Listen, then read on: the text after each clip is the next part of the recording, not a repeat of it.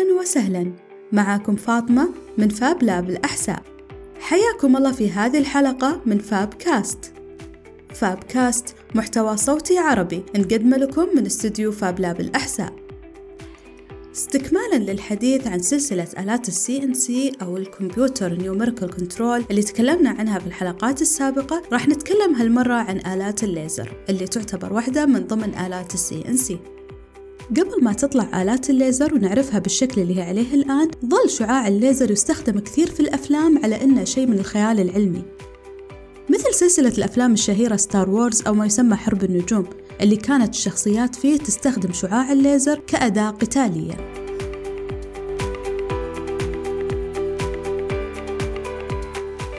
من الميزر إلى الليزر. خلونا نرجع العام 1945 للميلاد. قبل ما تجي فكرة الليزر.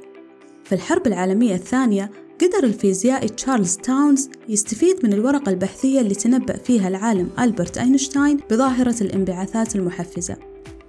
واخترع الميزر اللي يعتمد فيه على تضخيم موجات الميكروويف بدل الضوء. لكن استخدامات هذا الاختراع كانت مقتصرة على الأبحاث والعلماء وما كانت مفيدة للمجال الصناعي أو العسكري.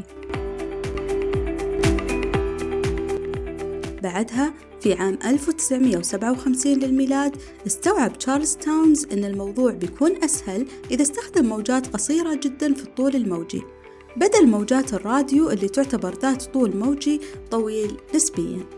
تعاون تشارلز تاونز مع صاحبه آرثر شلو وأشركه معاه في بحثه. والحل كان عند شلو اللي اقترح وضع الذرات المراد تحفيزها في تجويف طويل وضيق مع وضع مرايات في نهايات التجويف. الذرات راح ترتد بسبب المرايات وراح يتشكل عندنا الإشعاع. أحد المرايات راح تكون فيها نسبة نفاذية قليلة بحيث تسمح للشعاع عالي الطاقة بالمرور خلالها. ولأنه يعتمد على الضوء صار اسمه ليزر فيبدأ ب L من light بدلا من M من مايكروويف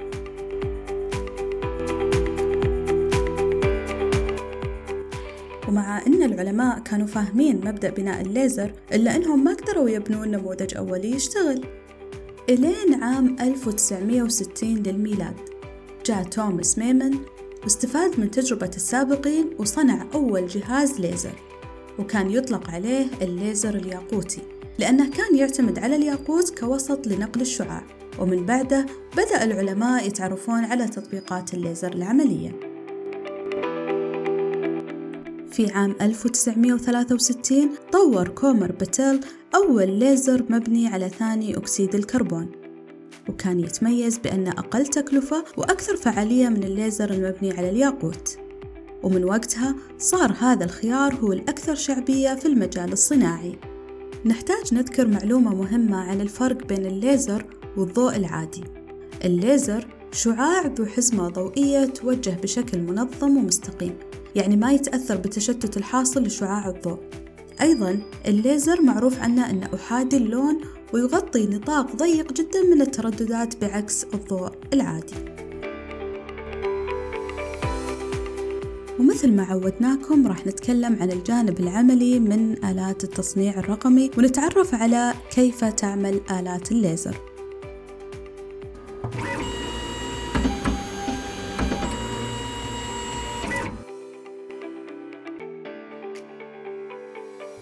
زي ما ذكرنا جزئيا في بدايات صنع الليزر أن الأمر يبدأ بوضع الذرات المراد تحفيزها في تجويف طويل وضيق وتغذيتها بكهرباء عالية الفولتية مع وضع مرايات في نهايات التجويف. الذرات المحفزة راح ترتد بسبب المرايات وراح يتشكل عندنا الشعاع. أحد المرايات راح تكون فيها نسبة نفاذية بحيث تسمح للشعاع عالي الطاقة بالمرور خلالها. ومن بعدها راح يتم توجيه الشعاع المستخلص بمراية عاكسة واللي تعرف بالمرنان الضوئي أو optical resonator ينتهي الشعاع إلى عدسة تركيز. تعمل على تركيزه في نقطة واحدة وتسمى رأس القطع أو ال nozzle. يحتوي هذا ال nozzle على فوهة تقوم بتوجيه شعاع الليزر إلى مساحة العمل وبعدها تبدأ عملية النحت أو القطع.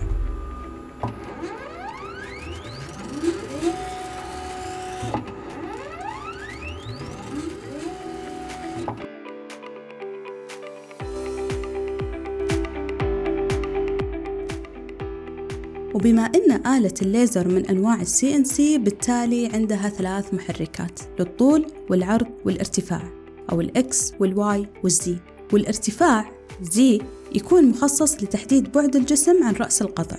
أما المحركين الباقين فبالعادة تكون محركات سريعة تحمل معها المراية العاكسة بصورة تمكن الآلة من التحكم بالشعاع وتوجيهه على حسب التصميم المرسل من جهاز الكمبيوتر.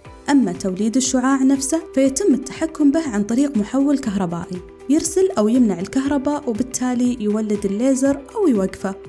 وتتم هذه العملية بسرعة عالية تتناسب مع حركة المراية في توزيع الشعاع لقطع الشكل أو نحته. والفرق بين عمليات القطع والنحت بآلة الليزر يكمن في الموازنة بين قوة شعاع الليزر وسرعة حركة المحركات وتوزيع الشعاع نفسه. ففي القطع مثلا السرعة قليلة بينما قوة الشعاع عالية. عشان يقدر الشعاع يخترق المادة اللي نبي نقطعها. بل أحيانا نحتاج نمرر الشعاع على المنطقة أكثر من مرة عشان نضمن اكتمال عملية القطع.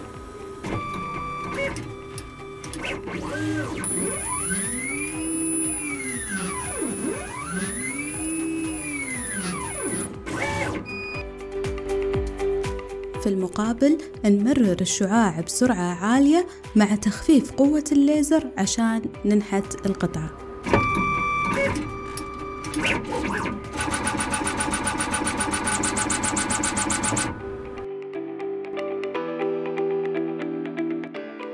وتعرف ملفات التصميم المستخدمة في عملية القطع بالفيكتور وهي رسوميات مبنية على معادلات رياضية. بينما في النحت نستخدم الصور أو الرسوميات ال bitmap المكونة من أجزاء صغيرة جدا تسمى ال pixels. لما نتكلم عن آلات الليزر يتردد سؤال دائما عن المواد اللي نقدر نقطعها أو ننحت عليها باستخدام هذه الآلة.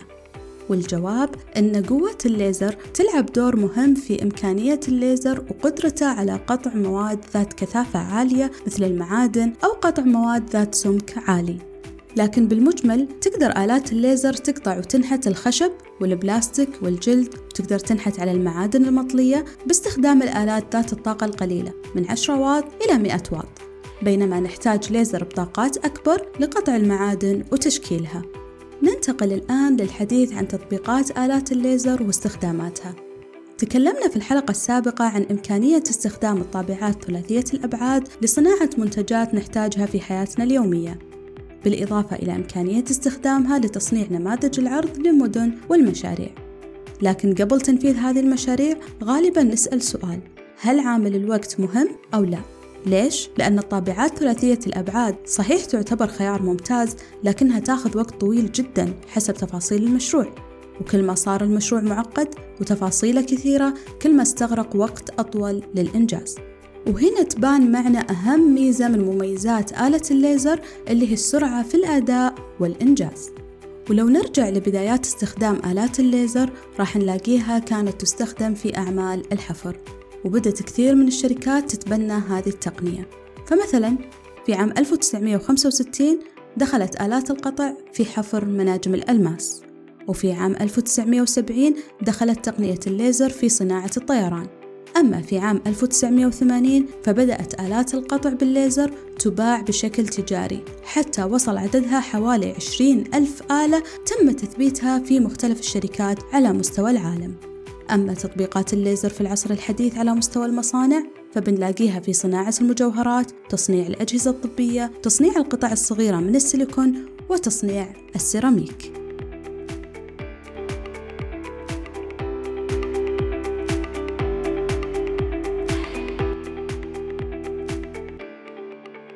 تعرفنا في هذه الحلقة على مفهوم الليزر وعرفنا كيف ساهم العلماء في تطوير هذه التقنية عشان توصل لنا بالشكل اللي هي عليه اليوم.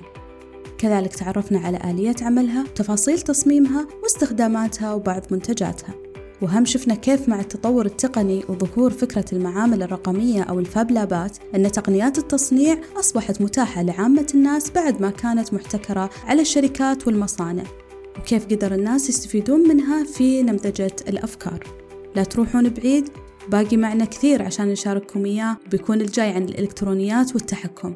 تعرفون أن الإلكترونيات هي روح معامل التصنيع والقلب النابض للأنظمة الذكية. لا تنسون تتابعونا على منصة ساوند كلاود أو أبل بودكاست أو جوجل بودكاست عشان تسمعون جديدنا. فريق عمل هذه الحلقة المهندس داود البطاط والمهندس أحمد الحاجي في إعداد المحتوى وفي الهندسة الصوتية كانت معنا زينب الباشا.